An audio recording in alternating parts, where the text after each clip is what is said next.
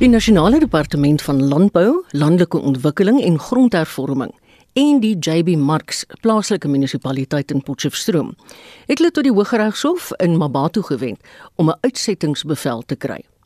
Oor die afgelope 2 dae het grondbesetters sowat 60 huise opgerig in die Mooi Bankgebied naby die Landbou College in Potchefstroom.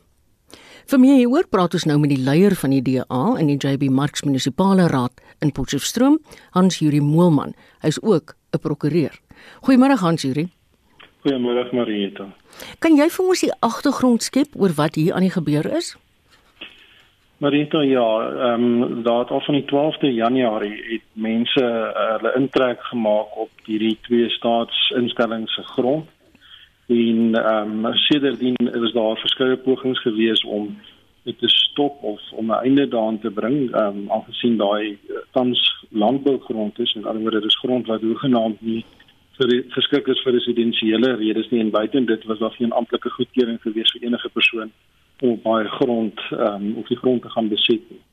En die situasie het nou eintlik vandag op 'n spits gedryf um, met 'n vergadering vergaderings waar onder andere daar met die regspanne die politieke partye en die polisie beraadslaag is oor verdere stappe en en net die afsaak is is daar nou hierdie regsaksie dit is nie vir uitsetting nie maar vir interdik om die verdere okupasie of onwettige okupasie van die grond te stop aan die een kant.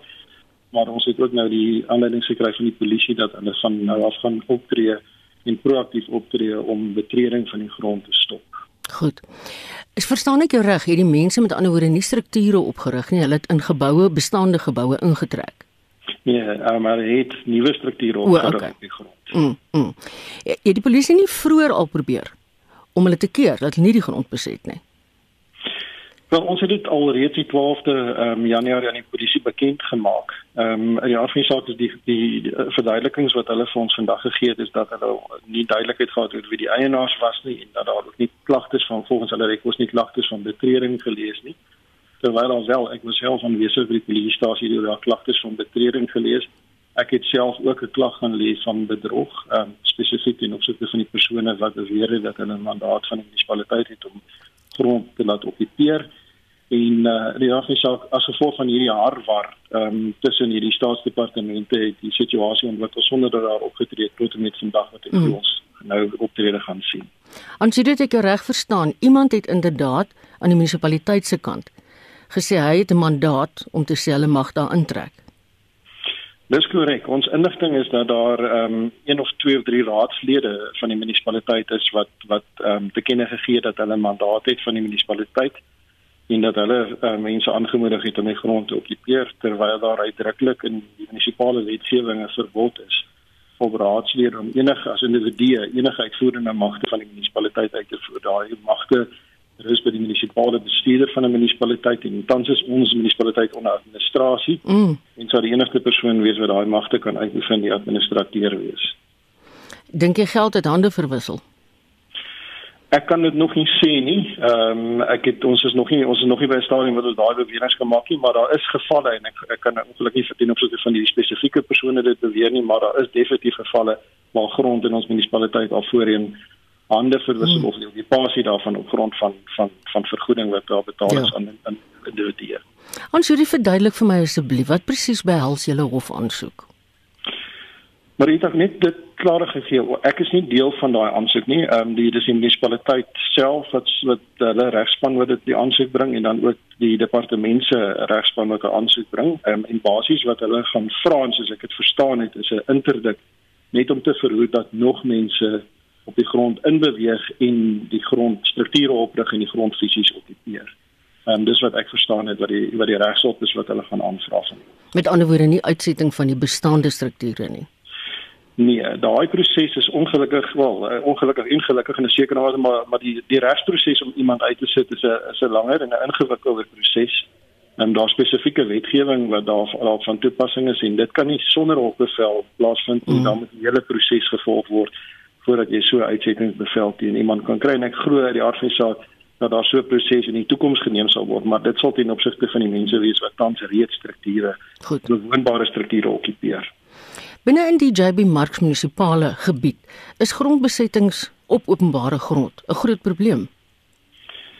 Tot op hede was dit nie so groot probleem daar was in die verlede 'n probleem daarmee dis 'n probleem in die land in die, in ehm um, dit mense sien dit oralster en daar veral in hierdie Covid tydperk het het mense gesien dat daar veral in die Weskaap en ook weer verstaan in Gauteng ehm um, veral publieke oop oop, oop publieke grond geokkupeer is mm. en waar daar strukture opgerig is en en dit is maar basies ek glo toe toeskryf aan 'n aan 'n effense leemte in die wetgewing wat in vers, na verskillende kante toe geïnterpreteer word um, want voor 'n persoon 'n struktuur okkupeer met hy grond betree en om grond te betree gaan jy 'n misdaad.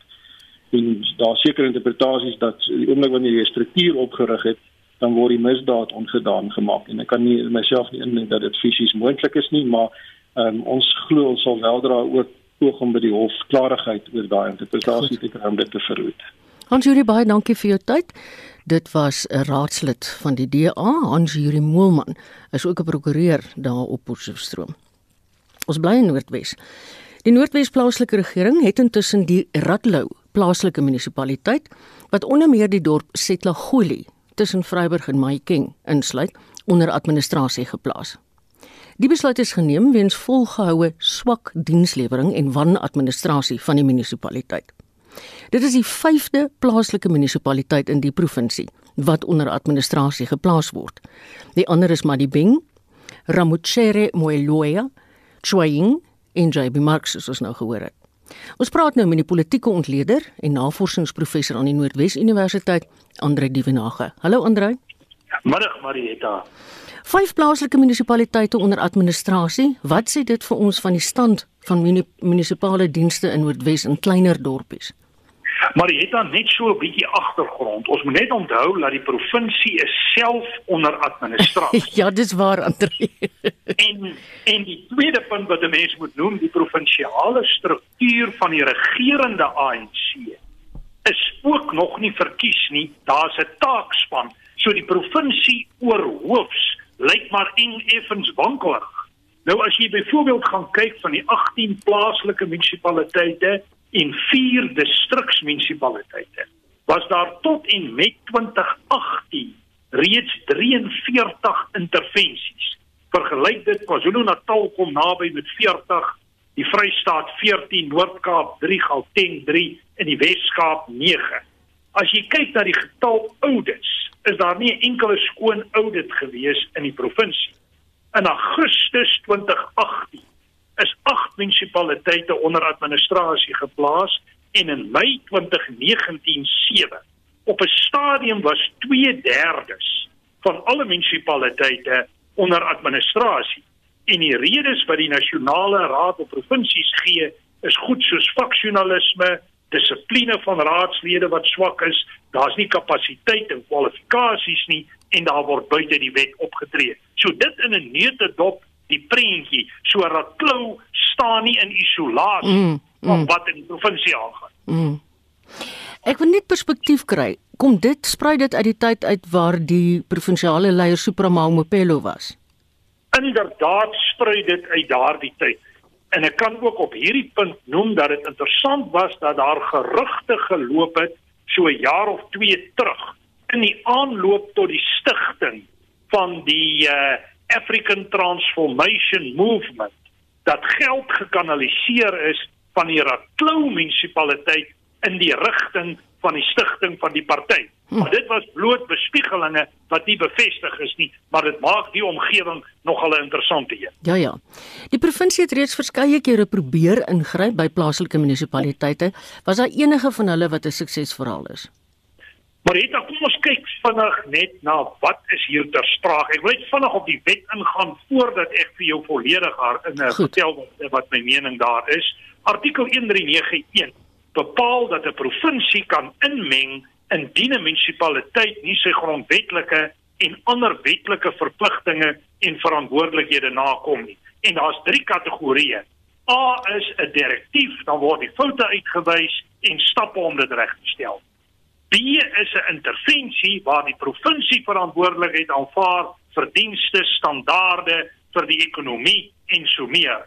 En dan kategorie C is die ontbinding van 'n munisipaliteit waar deur 'n administrateur aangestel word wat kan uitloop op 'n verkiesing van 'n nuwe raad. En dan is daar uiteraard 'n klomp prosesse en protokolle.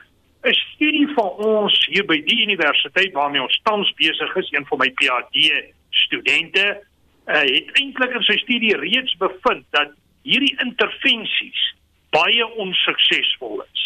Nou jy kan jou dit bloot indink mm. as die provinsie ja, klaar ja. mm. die wankelrag is. Hoe kan jy verwag hy gaan suksesvol wees in terme van intervensies. Nou die probleme hou veral verband met die regeringskundige aspek. Dis nou leierskap en bestuur gekombineer, finansiële probleme, administratiewe goed, kundigheid en kapasiteit. Ja, kundigheid, ja. As mens in kort net in een sin eintlik die probleem moet opsom, dan lê dit by die ANC regerings wat nie die mas opkom nie en sentraal tot dit lê die problematiek van kaderontplooiings. En as ons dit nie regstel nie, is ek bevrees gaan ons baie swaar kry om dinge in hierdie provinsie, maar ook in ander provinsies reg te stel. Jou party van hierdie dorpe het voortdurende waterprobleme en munisipale skuld aan Eskom en dit terwyl die inwoners aanhou om hulle rekeninge te betaal. Daar's korrupsie, soos jy net gesê het, wanbesteding. Wat is die oplossing veral in die lig van die plaaslike verkiesing wat voorlê? Wel, uh, ek dink as ons die prentjie breër kyk, dan moet ons net onthou Noordwes is nie heeltemal uniek nie. Ons situasie is baie sleg en hy mag self slegter wees as die gemiddeld in Suid-Afrika, maar 80 tot 90% van munisipaliteite het die een of ander vorm mm. van disfunksionaliteit. Die vraag is hoe hanteer jy die goed? En die antwoorde is eintlik ongelooflik voor die hand liggend. Jy moet jou bestuure en administrasie in plek kry, jy moet verantwoordelikheid regkry, gesonde finansiële bestuur toepas, korrupsie uitwy uitwys en hanteer en mense met kapasiteit ja. in posisies aanstel. Hmm. Dit is die antwoord. Die problematiek hier is dat die ANC regering tot 'n groot mate hom bewys het as baie onbekwaam om dit reg te kry. Ek dink die syfers is oorweldigend in die geval. In daai verband is die vraag tereg, moet die ANC voortgaan om die provinsies te bestuur? En ek moet sê, ek verwag nogal dat die burgery hulle gaan uitspreek hierteenoor in die komende verkiesing wat as ek moet skat waarskynlik hier Augustus September van hierdie jaar gaan plaasvind. Mm. En ek verwag meer koalisieregerings, meer samewerkende regering en moontlik kan daar antwoorde in die verband wees, maar ons moet onthou dat koalisies weer hulle eie stel uitdagings het. Dis baie vaar. Baie dankie Andre. Ons het gesels met die politieke ontleder en navorsingsprofessor aan die Noordwes Universiteit, Andre Dievenage. Dis nou bykans 25 oor 1. Soos hy gesê, dit is nie uniek aan Noordwes nie, dit gebeur elders in die land ook. Want die DA in die Oos-Kaap sê die plaaslike regering in die provinsie het ineengestort. Die Amatola distriksmunisipaliteit het vroeër aangekondig hy sal geen salarisse vir die volgende 4 maande kan betaal nie. Ons praat nou met ons verslaggewer in Port Elizabeth, Veronica Fourie, oor die jongste verwikkelinge in die verband. Hallo Veronica. Hallo Marita. Hoeveel mense sal geraak word as die Amatole distriksmunisipaliteit nie salarisse kan betaal nie? Ons is nou nie seker van presies die hoeveelheid nie, maar die DA het op hierdie stadium reeds vasgestel dat daar meer as 900 mense in die Amatole Amatole distrik aangestel is wat nie nodig was nie. Daar was nie regtig werk vir hulle nie. Hulle is oortollig.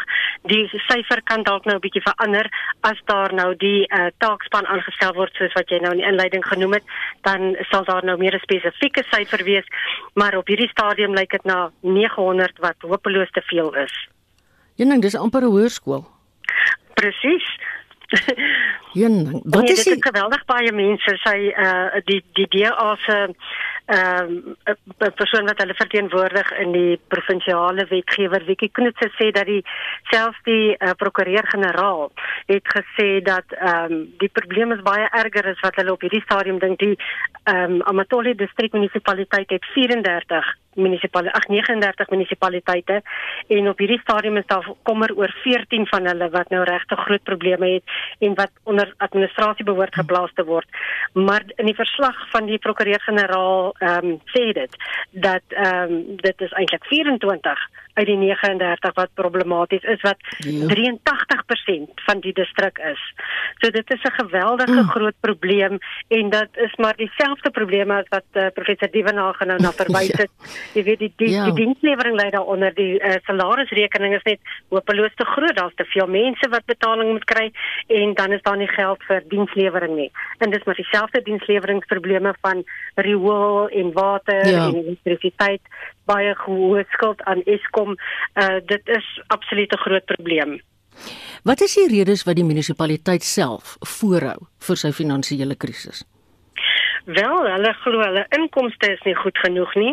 Hulle voel dat daar, uh, jy weet, meer druk op mense moet wees om te betaal vir hulle dienste, maar 'n uh, groot gedeelte van hierdie distrik is natuurlik 'n baie arm gedeelte waar mense nie uh, inkomste het nie of net van ehm um, toela leef en ehm um, daar is net nie 'n inkomste nie en nou het hulle aansoek gedoen nie net by die provinsiale nie maar ook by die nasionale tesourie vir hulp en uh, die DA het nou vandag in hulle Zoom vergadering gesê dat dit glad nie 'n volhoubare oplossing is vir die probleem nie.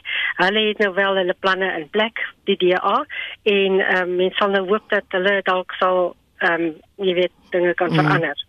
Ja, want ons het dit gister in een van ons nuusbulletins gehad. Ons praat hier van etlike miljarde waarvoor hulle aansoek doen.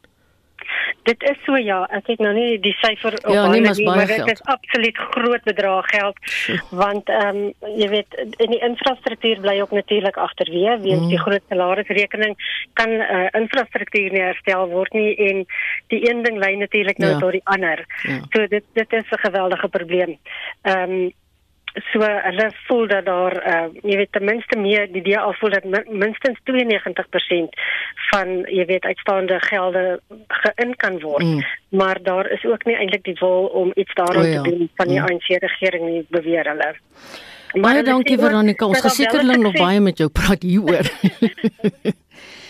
Ons het gepraat met ons verslaggewer in Port Elizabeth Veronica Fourie sy klink effe moedeloos Fase 2 beurtkrag het vanmiddag om 12:00 ingetree en sal tot Sondag aand 11:00 voortduur.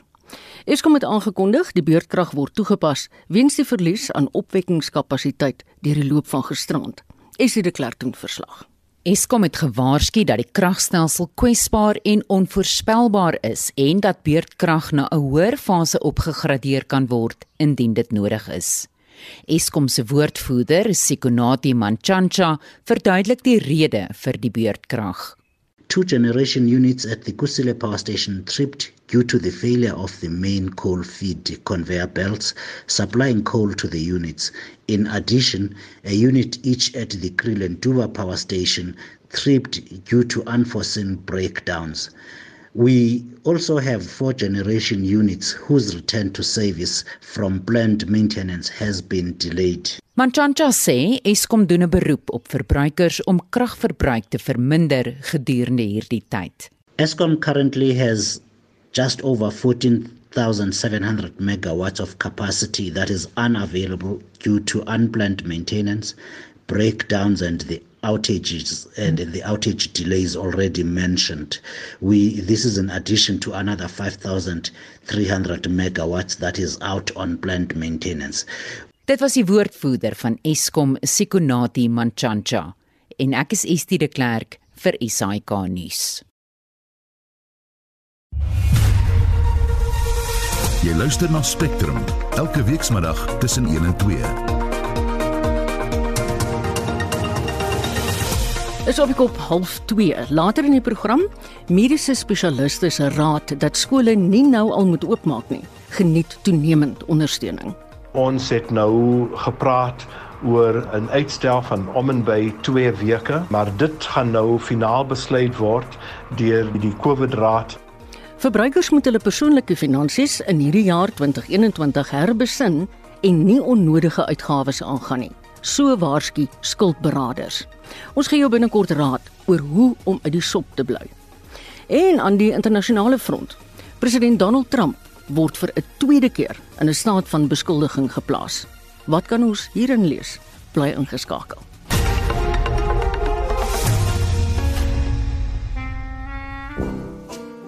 RSG se middagvervolgverhaal Goue Koors elke maandag tot Vrydagmiddag kwart voor 3. Oom kan maar inskakel op by data. Ek het in elk geval hoop gratis data op my selfoonkontrak en gebruik dit nooit. Dan moet jy net vir my die wagwoord gee. Hmm, moet ek dit neerskryf? Sê maar net ek neem dit op. OK. My foon se skakelpunt naam is Mornelicious. Mornelicious. Kan jy dit vir my spel? Ja.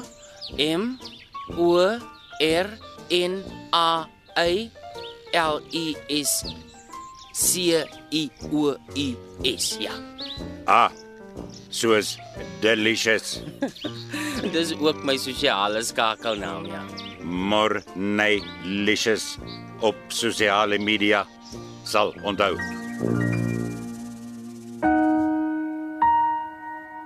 Dit voel vir my soos 'n gletser waarvan stukke van mens afsmelt en wegdryf, waarin jy absoluut niks kan doen nie. Kom luister vanaand om 8uur op RSG na 'n tronk van pyn, 'n dokumentêre reeks deur Estie de Klerk. Dit neem jou op 'n reis deur die daaglikse worsteling van mense wat ly aan outoimmuun, kroniese pyn en kroniese moegheidsiektes en hoe hulle moeisaam maar dapper voortbeur om aan 'n nuwe normaal gewoon te raak.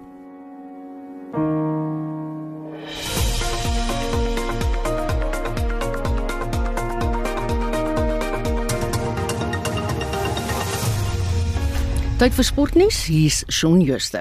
Kom ons val weg met cricketnuus. Die eerste toets van die reeks tussen Sri Lanka en Engeland het vanoggend begin met die tuisspan wat die lood gewen het en gekies het om eerste te kolf.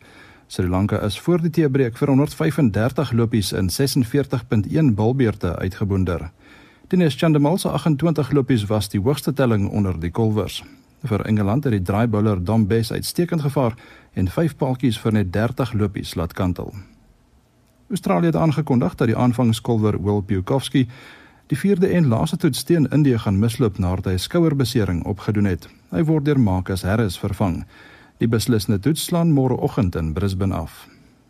Vanaand op die sokkerveld in die Engelse Premier Liga speel Arsenal 10uur teen Crystal Palace en in die Spaanse Superbeker meet Real Madrid ook 10uur teen Athletic Bilbao kragte. Op die tennisbaan kom Suid-Afrika se Chanel Simmons vandag in die tweede ronde van die vroue ITF toernooi in Egipte teen die Rus Elina Avanesian te staan. En laastens herinner ons graag dat die PGA Tour se Sony Ope vanaand kort na 7 in Hawaii begin. Die drie Suid-Afrikaners aan die veld is Erik van Rooyen, Brandon Grace en MJ Duffy. Die Aussie Cameron Smith is die verdedigende kampioen. En dit was Shaun Jooste wat ons op hoogte gebring het van die jongste sportnuus. Nou motorbestuurders in Gauteng wat se rybewyskaarte verval het. Weet watter nagmerrie dit is om die kaarte te hernie. In Gauteng moet mense 'n bespreking aanlyn maak en afsprake is maande vooruit volbespreek. Ek moes dit ongelukkig in die laaste jaar of 2 twee keer doen. So ek weet dis die waarheid. Volgens die Automobielassosiasie dui dit op die verval van die departement van vervoer. Ons praat nou met die woordvoerder van die AA, Luiten Beerd. Hallo Luiten. Hallo Mariet, goed om by jou te wees. jy, jy gaan nou vir ons moet help hoor. Die nasionale departement het 'n verlengingstydperk toegestaan aan motoriste wat se rybewyskaarte as ook hulle motorlisensieskyfies verval het tydens die inperkingsperiode. Is dit toe nou weer verleng? So, ehm um, eerstens uh, dit is nie heeltemal korrek om te sê die verlengingstydperk is vir jou motorvoertuiglisensie en jou rybewys nie. Die verlengingsperiode is eintlik net vir jou rybewys. Dit oh. is vir uh, uh sogenaamde learners licenses en rybewyse ehm um, en professionele rybewyse, maar die die voertuiglisensie ehm um, is nie ingesluit in daai verlengingsperiode nie. Ehm oh. um, so die verlengingsperiode kom ons wees net duidelik daaroor. Ehm um, as jou as jou rybewys ehm um, of of jou learner's license verval het tussen 26 Maart 2020 en 31 Desember 2020, dan is hy geldig tot 31 Augustus 2021. Ehm um, nou ons het al voorheen gesê om om net omdat dit geldig is tot 31 Augustus beteken nie jy moet wag tot Augustus om dit te hernie. Nee, nee, nee, nee. Jy weet probeer so ver as moontlik om dit tussen in die tussentyd te hernie, maar dit sluit nie die voertuiglisensie in nie. Um, en dit is vir ons 'n groot probleem alhoewel jy jou voertuiglisensie op ander plekke kan hernie. Jy kan byvoorbeeld by die poskantoor gaan hernie. Ehm um, daar is ander plekke waarna toe jy kan gaan om dit te hernie. Jy sal dalk by ander plekke bietjie meer moet betaal daarvoor, maar dit vat bietjie van die druk van die sentrums af wat natuurlik ook dan die bestuurlisensies en die ander lisensies moet hernie. Mm. Die groter probleem is met die met die met, met die met die bestuurlisensies spesifiek met die bestuurlisensies. En Gauteng soos jy reg opgemerk het, kan jy 'n uh, 'n uh, 'n aanlyn afspraak maak en as jy gelukkig is en jy kry 'n aanlyn uh, afspraak dan is die proses redelik um, jy weet uh, vlot en hy loop en jy kan dit doen en, en jy kan ingaan en jy kan jou dokumente haal. Die probleem is net is baie min mense kry daai afsprake ja. en, en en ons hoor dit gereeld. Mense sê die stelsel werk eenvoudig nie. Mm. En nou moet jy ook by bytel Marieta, dit is net in Gauteng wat dit tel. In ander streke in ander streke moet jy eenvoudig net in 'n tou gaan staan. En ons ons dink dat die hele stelsel ehm um, stikkend is. Dit is dit werk nie en dan moet 'n oplossing kom. En om net verlengings daar so eh, daar te stel soos ons nou gesien het. Um, is dit dit dit skep 'n verdere probleem. Ja. Dit skop die bal met die pad af. Dit maak mm. niks reg nie. Mm. Is dit net Gauteng met die erge probleme het? Wel nee, ons het al gerugte gehoor van mense um, in in die Kaap wat probleme het, mense in KwaZulu-Natal wat probleme het. Ons ons het eh, 'n uh, paar oproepe gekry uit van van mense um, in die in in uh, in die Noordwes provinsie wat probleme het. So daar is mense wat probleme het oor die hele land met hierdie rybewyse en totdat daar 'n stelsel inkom wat wat hierdie probleme gaan aanvat en wat werk vir almal. En ons dink dat 'n aanlyn stelsel wel kan werk, maar dit moet dit moet behoorlik ingefaseer word word. Ehm um, maar totdat dit uh, gebeur, kan jy soveel as moontlik, jy kan so baie verlengings gee as wat jy wil, maar daar gaan elke keer 'n probleem ja. ontstaan. Jy stel hom net uit. Ja, exactly. Nou, julle stel voor dat ehm um, 'n mens, kom ek vra eers dit. As 'n mens se lisensie nie geldig is nie en jy is betrokke in 'n botsing en jy kyk nou na versekeringsdoeleindes, wat gebeur dan?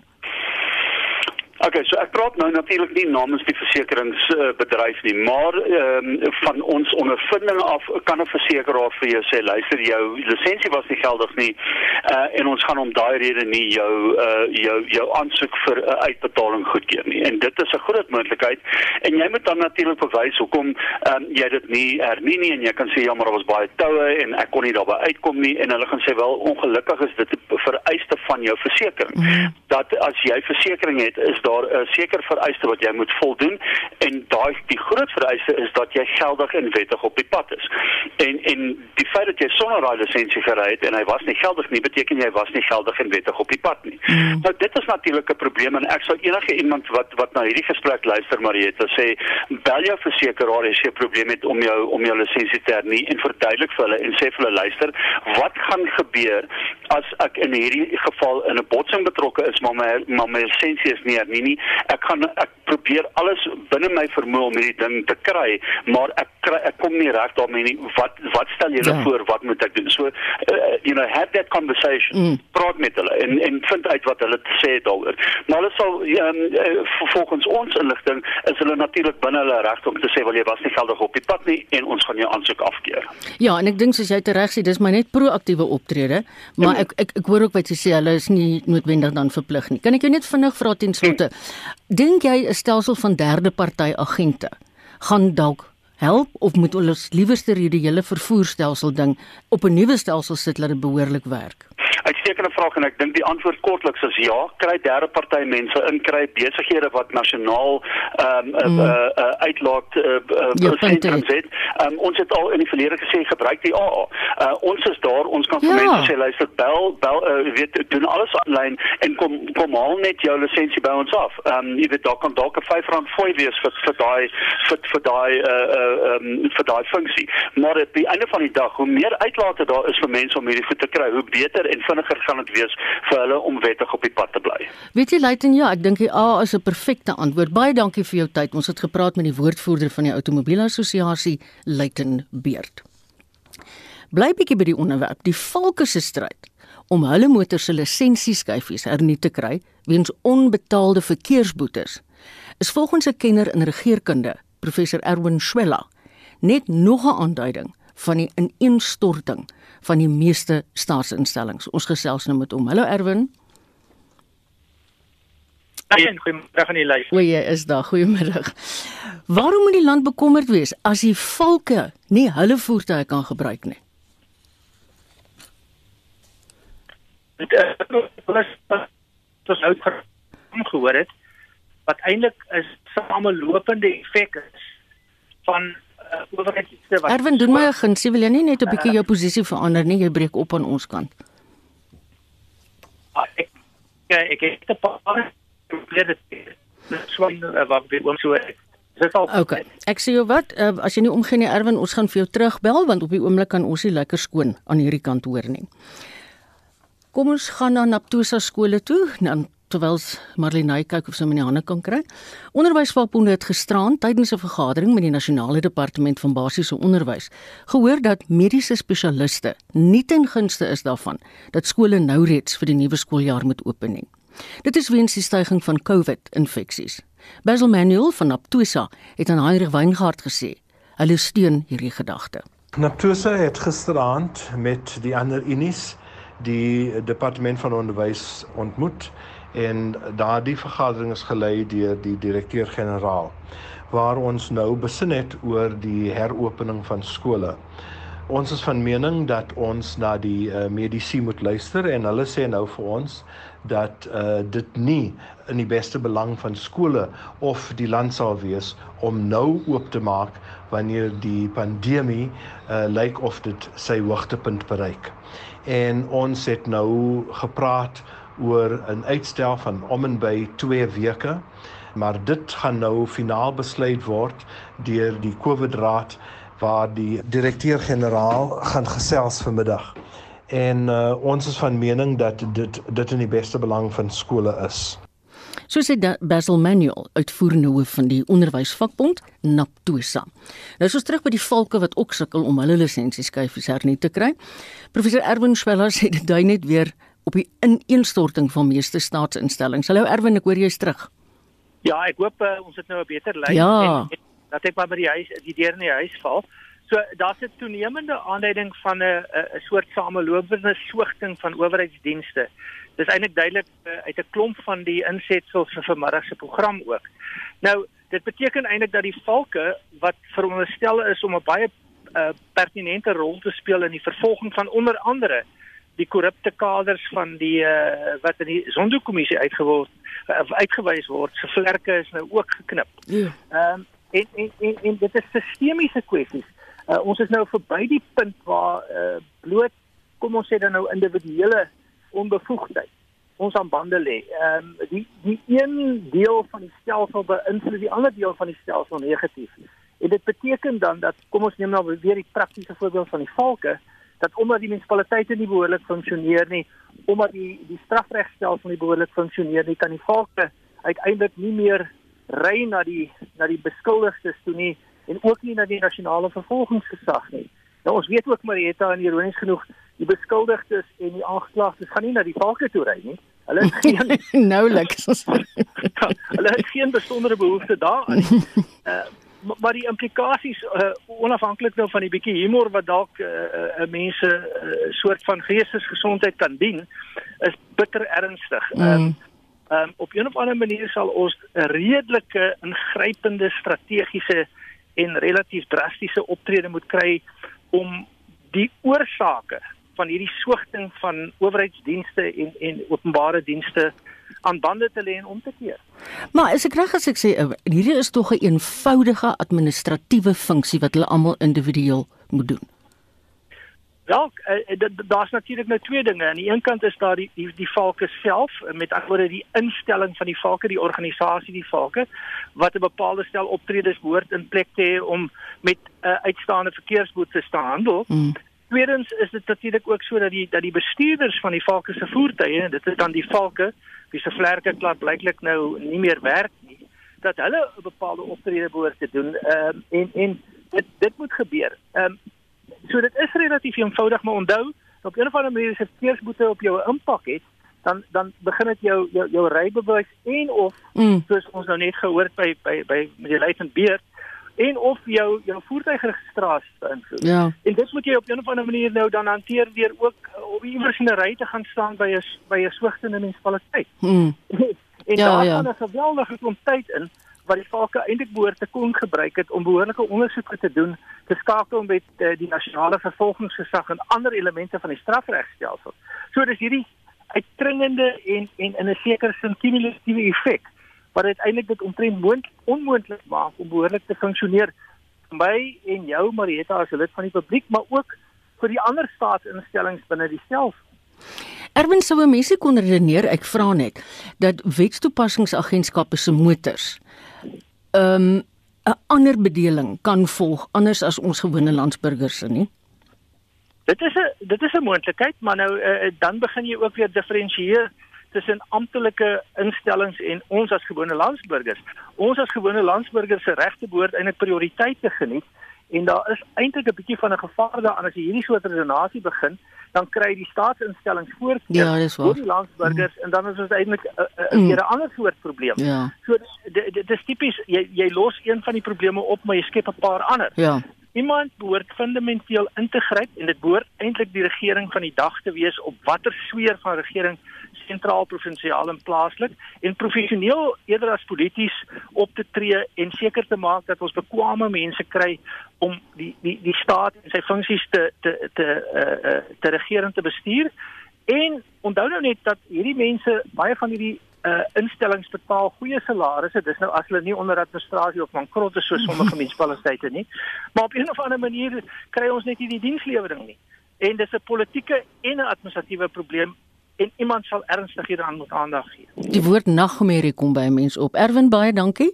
Dit was professor Erwin Schwella, politieke kommentator, kenner van publieke leierskap verbonde aan die Huguenot College in Wellington. Verbruikers moet hulle persoonlike finansies hierdie jaar in 2021 herbesin en nie onnodige uitgawes aangaan nie. So sê die hoof van skuldberading by Debt Ability, Martin Snyman.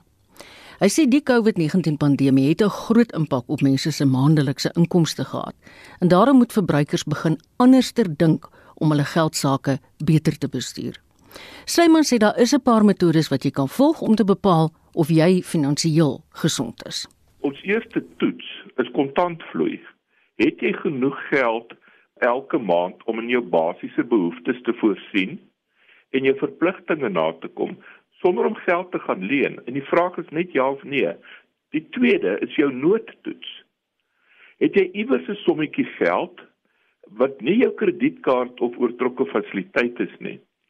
Wat jy elke maand bietjie geld by aanvul en jy gebruik daai noodfonds net wanneer daar 'n probleem is, teespoed, karre wat breek. Ja of nee? Die derde van hierdie vier toetse is jou beplanningstoets. Het jy iewers 'n plek waar jy dissipline gedissiplineerd spaar? Nou daardie word deur finansiële kundiges gedoen. Jy weet, is dit deur eiendom wat jy besit, pensioene of anniteite? En natuurlik die laaste 'n toets vir jou finansiële gesondheid is jou skuldtoets. Kan jy actually jou skuld bekostig?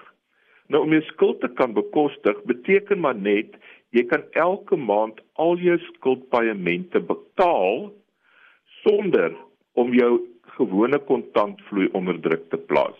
Hoekom maak sommige mense meer skuld voor en selfs tydens die feesseisoen? Dit moet soos die meeste dinge in ons lewens, dis of uit gewoonte uit of ons soog onder groepsdruk. Nou waar dit by geskenke byvoorbeeld kom, ons het nog altyd geskenke gekoop en almal doen dit.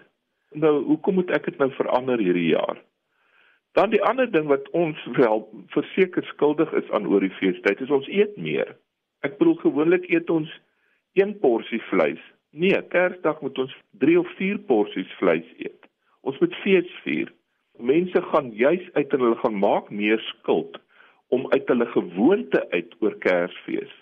Uit die groepsdruk van my vriende doen dit, ek doen dit ook. So ons moet iets uit hierdie COVID-19 pandemie probeer haal. En ek dink ideaal vir hierdie seisoen is ons kan dit juis as 'n verskoning gebruik om nie onder groepsdruk te gaan soog nie. Ja, ek dink dis 'n baie waar woord. Ons is ook meer by ons huise omdat jy nie graag in winkels wil wees nie. Dankie Martin Snyman. Martin is die hoof van skuldberading by Debt Ability en Jean Esterhuizen het vir ons die bydrae versorg. 'n Meerderheid lede van die Amerikaanse Huis van Verteenwoordigers het daarvoor gestem dat president Donald Trump nou vir 'n tweede keer in 'n staat van beskuldiging geplaas word. Dis oor hy glo met sy uitsprake 'n week gelede die oorsaak was van die opstand by Capitol Hill se parlementsgebou. Heinrich Weingart het meer besonderhede. Trump het intussen die geweld van 6 Januarie wat onder meer gelei het tot die dood van 5 mense skerp veroordeel. Dit het egter nie gehelp om die stemmery oor 'n staat van beskuldiging te keer nie. Hy word boonop ook daarvan aangekla dat hy ingemeng het met die vredesame oordrag van mag en dat hy die vertroue van Amerikaners verraai het. Hier is die oomblik toe die stemuitslae aangekondig is. On this vote, the ayes are 232, the nays are 197. The res resolution is adopted without objection. The motion to reconsider is laid upon the table. Demokratiese en Republikeinse lede van die Huis van Verteenwoordigers het vooraf die geleentheid gekry om hul steun vir of teenstand teen 'n staat van beskuldiging te kenne te gee. Nancy Pelosi is die spreker. We know that the president of the United States incited this insurrection, this armed rebellion against our common country. He must go. He is a clear and present danger to the nation that we all love. Maxine Waters is die viervreter kongreslid vir Kalifornië. I rise in support of impeaching again the worst president in the history of the United States. Since his first day in office, this president has spent four years abusing his power, lying, embracing authoritarianism, radicalizing his supporters against democracy. This corruption poisoned the minds of his supporters, inciting them to willingly join with white supremacists, neo Nazis, and paramilitary extremists in a siege of the United States Capitol building. The very very seat of American democracy. The, Repart- the Republican Party is now the Trump Party, and he is capable of starting a civil war. He must be impeached. He must be stopped now. Die meerderheid Republikeine, Trump se partygenote, het die haas waarmee die proses deurgevoer word met minder as 'n week van Trump se termyn oor gekritiseer. Maar sommige van hulle het Trump tog tot verantwoording geroep, soos die minderheidsleier in die huis, Kevin McCarthy. The president bears responsibility for Wednesday's attack on Congress by mob rioters. He should have immediately denounced the mob when he saw what was unfolding. These facts require immediate action by President Trump. Accept his share of responsibility, quell the brewing unrest, and ensure President elect Biden is able to successfully begin his term. And the president's immediate action also deserves congressional action, which is why I think a fact finding commission and a censure resolution would be prudent. Unfortunately, that is not where we are today. 10 Republikeine het wel ten gunste van die staat van beskuldiging gestem ten spyte van hul voorbehoude. Dan Newhouse is een van hulle. These articles of impeachment are flawed. But I will not use process as an excuse. There is no excuse for President Trump's actions. The president took an oath to defend the Constitution against all enemies, foreign and domestic. Last week, there was a domestic threat at the door of the Capitol, and he did nothing to stop it. That is why, with a heavy heart and clear resolve, I will vote yes on these articles of impeachment. Die Senaat sal nou 'n verhoor moet hou om Trump se skuld of onskuld te bepaal. Dit is egter onwaarskynlik dat die Senaat byeen sal kom voor die inhuldiging van Joe Biden op 20 Januarie as die volgende president van Amerika. Trump behoort teen daardie tyd reeds die Withuis te ontruim het as 'n eentermyn president wat twee keer in 'n staat van beskuldiging geplaas is. Shawn Bryce Peace in New York het die verslag saamgestel. Hendrik Weingart vir SAK nuus. Ons bly by hierdie storie en ons luister nou na wat die onafhanklike politieke kommentator Theo Venter het gesien uit hierdie jaar. Afgetree uit besluit hy's nou onafhanklik. Vanoggend op Monitor oor die verwikkelinge in Amerika gesê het. Nie alleen gister nie, maar die laaste 2 weke dink ek is 'n baie intense periode in die Amerikaanse politiek en ek dink dit sal in die geskiedenis aangeteken word as van die vreemdste tye in 'n presidensiële oorgang in die Amerikaanse geskiedenis.